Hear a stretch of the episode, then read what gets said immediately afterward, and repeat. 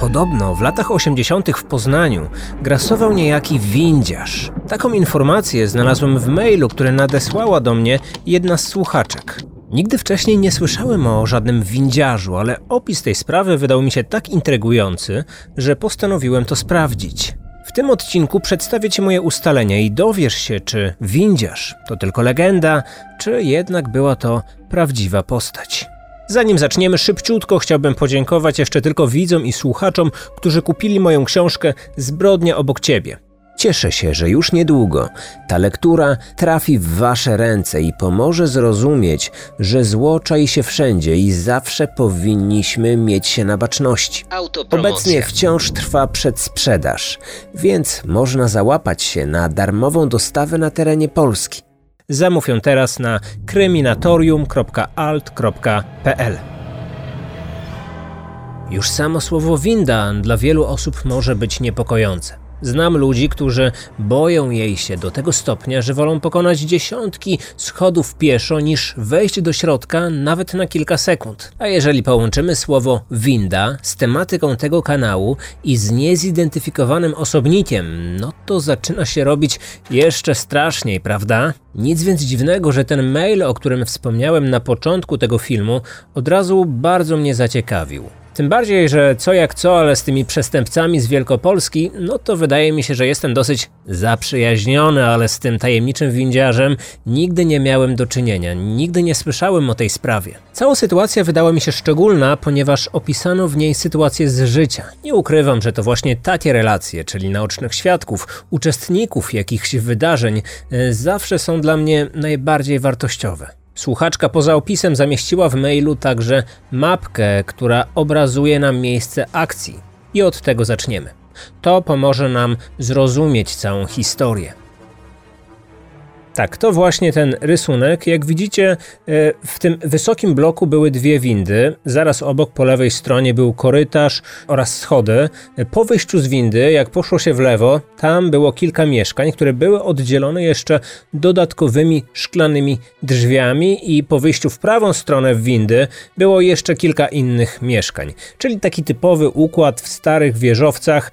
E, no nie jest to nic nowego. Myślę, że nawet dziś w wielu miejscach, w wielu z takich starszych blokach możemy się z podobnym układem spotkać.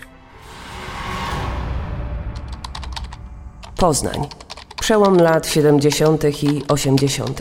Moi dziadkowie wraz z moją kilkuletnią mamą wracali wieczorem z zakupów. To musiała być jesień lub zima, pewnie około 20, bo było już ciemno. Moja babcia wraz z moją mamą wchodziły do klatki schodowej, a dziadek został na parkingu przed budynkiem. Dziadkowie mieszkali na szóstym piętrze w wieżowcu jedenastopiętrowym. Na każdym piętrze były cztery mieszkania, w budynku były dwie windy i oczywiście schody. Przed drzwiami dziadków oraz ich sąsiadki mieściły się duże szklane drzwi, które były otwierane na klucz. Babcia naszej słuchaczki e, poczuła za plecami czyjeś spojrzenie. Miała wrażenie, że na klatce schodowej jest ktoś jeszcze. Kątem oka zauważyła sylwetkę jakiegoś mężczyzny. Stał naprawdę niedaleko, na schodach, więc trzy, cztery duże kroki i byłby tuż obok.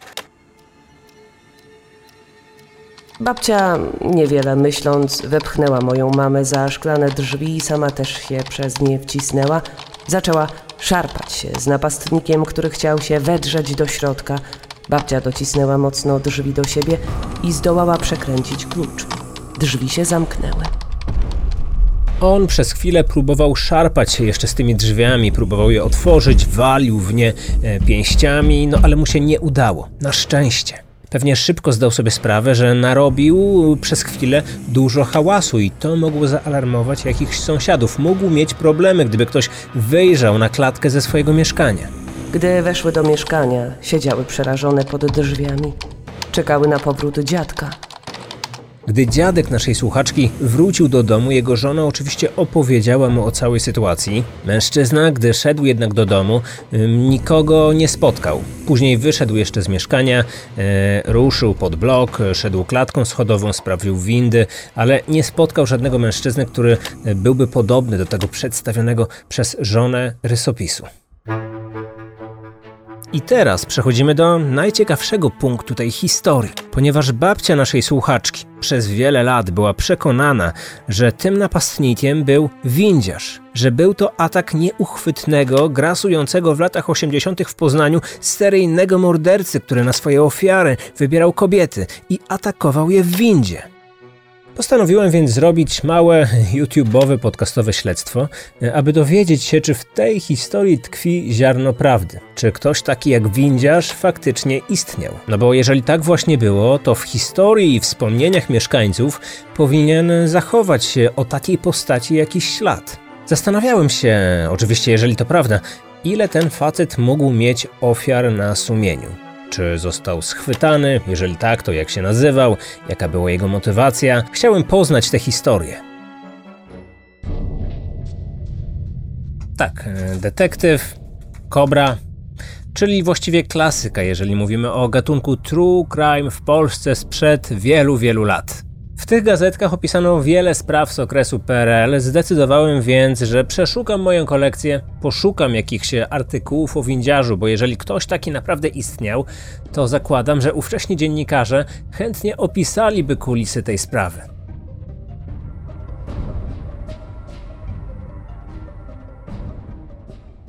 Przejrzałem te stare egzemplarze z różnych roczników, nie wiem, pewnie kilka tysięcy tekstów. Były tu teksty o skorpionach, o rzeźnikach i o innych przestępcach. Niestety o windziarzu ani słowa. Wiadomość, którą wam tutaj odczytałem, trafiła na moją skrzynkę mailową już w kwietniu 2021 roku. No, minęło więc sporo czasu. Początkowo byłem mocno zaintrygowany tą historią, ale z czasem uznałem, że najpewniej to tylko jakaś miejska legenda. Może i był w Poznaniu ktoś, kto zaatakował kiedyś kogoś w windzie, e, a później mieszkańcy dorobili do tego całą otoczkę. Odłożyłem więc temat na półkę i zająłem się innymi sprawami. Jednak ta historia wciąż chodziła mi po głowie. I za każdym razem, gdy zdarzało mi się wchodzić do jakiejś starej windy, ten temat powracał. Zastanawiałem się wtedy, czy ktoś taki jak windziarz naprawdę istniał, czy była to jedynie miejska legenda. Okazuje się jednak, że nie była to historia wyssana z palca. O ile tutaj w tych starych detektywach i kobrach nie znalazłem żadnych informacji o windziarzu, to zupełnie inaczej było w lokalnej prasie. Kilkadziesiąt lat temu dziennikarze informowali mieszkańców Poznania o grasującym w mieście windziarzu. I na ten temat pojawiło się całkiem sporo wzmianek. Zobaczcie, oto kilka nagłówków. Nieznany bandyta atakuje w windach. Milicja poszukuje groźnego przestępcy. Seria napadów w windach. W windzie czyha napastnik. Takie nagłówki naprawdę mogły przestraszyć. Wiecie, jakie wtedy były czasy. To były lata 80., bez internetu. Ludzie zazwyczaj pozyskiwali wiadomości właśnie z prasy. Nie wiem jak wy, ale ja po przeczytaniu takiego komunikatu z tak niepokojącym nagłówkiem nie pozwoliłbym mojej mamie, babci czy dziewczynie pod żadnym pozorem wsiadać do windy. Mieszkasz na 11 piętrze? Trudno. Albo zostajesz w domu, albo lecisz schodami. Możesz ewentualnie poczekać na kogoś, kto będzie w stanie cię obronić. Jak dowiadujemy się z tych tekstów, windziarz atakował w dwóch częściach Poznania. Jeden z ataków miał miejsce w południowo-zachodniej części miasta, na ulicy Newtona, na osiedlu Kopernika. Zdarzenia o podobnym charakterze odnotowano również na Ratajach, a ściślej mówiąc na osiedlu Rusa, na wschód od Warty, po przeciwnej stronie miasta. Odległość między tymi miejscami to około 10 kilometrów. Windziarz atakował więc w dwóch różnych częściach miasta. Wybierał nowo powstałe osiedla. Jego modus operandi wyglądało podobnie. Czaił się gdzieś na korytarzu, na klatce schodowej, w taki sposób, aby mieć oko na windę. Czasami robił to na parterze, czasami na wyższych piętrach e, i czekał w ten sposób na kobiety, które samotnie będą do tej windy wsiadać. Zazwyczaj wybierał godziny poranne, czyli między 6 a 9 przed południem. Mieszkający w blokach mężczyźni o tej porze zazwyczaj byli już w pracy, a ich żony e, wybierały się na zakupy albo wracały ze szkoły, gdzie odprowadzały swoje dzieci. Windziarz czekał właśnie na takie sytuacje. Gdy miał już pewność, że kobieta weszła do środka i wiedział, że jest tam kompletnie sama, czekał do ostatniego momentu, aż prawie zamknęły się za nią drzwi. Wtedy wskakiwał do środka. Odwracał się do kobiety plecami. Gdy kilka sekund później winda ruszyła, on wciskał przycisk stop. Winda zatrzymywała się pomiędzy piętrami. Wtedy następował atak. Powiem wam, że gdy wyobrażam sobie tę sytuację, aż mam ciarki. W windzie stoi samotna kobieta, która e, nie ma gdzie uciec, nie ma czym się obronić, e, a obok niej stoi jakiś zwyrol, który teoretycznie może zrobić z nią wszystko. A co działo się później, wtedy gdy winda się już zatrzymywała? Według komunikatów prasowych windziarzowi najbardziej chodziło o pieniądze i kosztowności. Wyrywał więc torebki, ściągał biżuterię. Oczywiście, jeżeli kobiety nie chciały oddać wszystkiego dobrowolnie, były bite. Zdarzało się też, że otrzymywały silny cios pięścią w twarz zaraz na przywitanie. Niestety zdarzało się także, że windziarz poza kradzieżą chciał także zaspokoić swoje seksualne potrzeby. Czasami zmuszał kobiety do jakichś aktywności, czasami robił to siłą, a czasami proponował kobietom, że jeżeli się zgodzą, to odda im skradzioną chwilę wcześniej biżuterię. Takich akcji na terenie miasta było wiele i na podstawie wspomnień tych zaatakowanych kobiet e, milicja przygotowała portret pamięciowy oraz dokładny opis napastnika. To był jakiś młodziak. Mógł mieć od 20 do co najwyżej 30 lat. Był dosyć wysoki, miał ponad e, 180 cm wzrostu, do tego był dobrze zbudowany. Jego postawna postura wywoływała u ofiar pewnie jeszcze większy niepokój, w tym wzbudzał jeszcze większy strach. Włosy koloru ciemny blond, czesane pod górę, z grzywką na czoło, były gęste, proste i długie aż do kołnierza, przykrywały uszy. Ciemne, głęboko osadzone oczy, prosty nos i mała brudka. Na rękach miał skórzane, zniszczone rękawiczki. W jego wyglądzie można było dostrzec jednak coś charakterystycznego. Niektóre kobiety zapamiętały, że miał na swojej twarzy takie dziwne krostki. Trudno powiedzieć, co to było. Może jakiś trądzik, może jakaś wysypka, e, może ślady po ospie, może uczulenie. Dlatego też e, wkrótce do naszego windziarza przykleił się kolejny pseudonim Ospowaty. Milicja za pośrednictwem prasy apelowała o pomoc. Jeszcze raz zwracamy się do poznanianek o zachowanie szczególnej ostrożności przy wsiadaniu do wind. Najlepiej nie wsiadać samemu do windy, przede wszystkim gdy taki sam zamiar ma również kręcący się w pobliżu nieznajomy mężczyzna.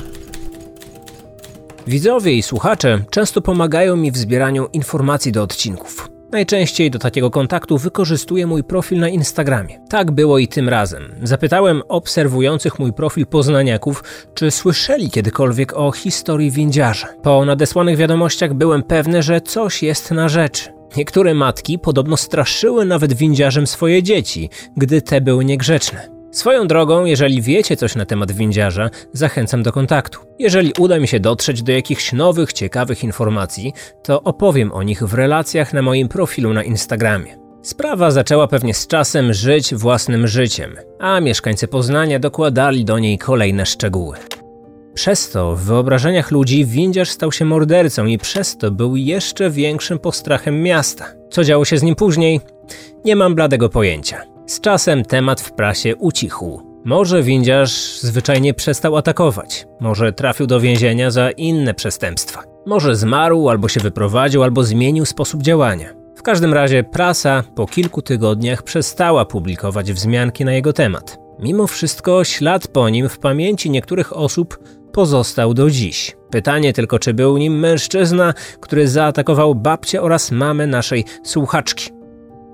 Dziś trudno odpowiedzieć na te pytania. Co prawda windziarz, tak jak wskazuje jego pseudonim, atakował windzie, a atak, od którego zacząłem dzisiejszy odcinek, miał miejsce na klatce schodowej, to kto wie, może tym razem zmienił sposób działania. A może to ta panika, ta świadomość o grasującym po mieście windziarzu spowodowała, że te kobiety połączyły podświadomie ten atak z nieuchwytnym, ospowatym windziarzem. Jestem ciekawy Waszego zdania na ten temat. A na koniec przypomnę, że o innej ciekawej historii, która również miała miejsce w czasach PRL-u, możecie przeczytać w tej książce Autopromocja. Zbrodnia obok ciebie To lektura o tym, że zło czai się wszędzie i że czasami jeden z pozoru drobny, codzienny element może odmienić czyjeś, czyjeś życie. Tę książkę wciąż możecie kupić, nie płacąc za przesyłkę, więc warto zamówić ją teraz na stronie kryminatorium.alt.pl. Odcinek powstał na podstawie komunikatów prasowych opublikowanych w 1983 roku w Głosie Wielkopolskim, Gazecie Poznańskiej oraz Ekspresie Poznańskim.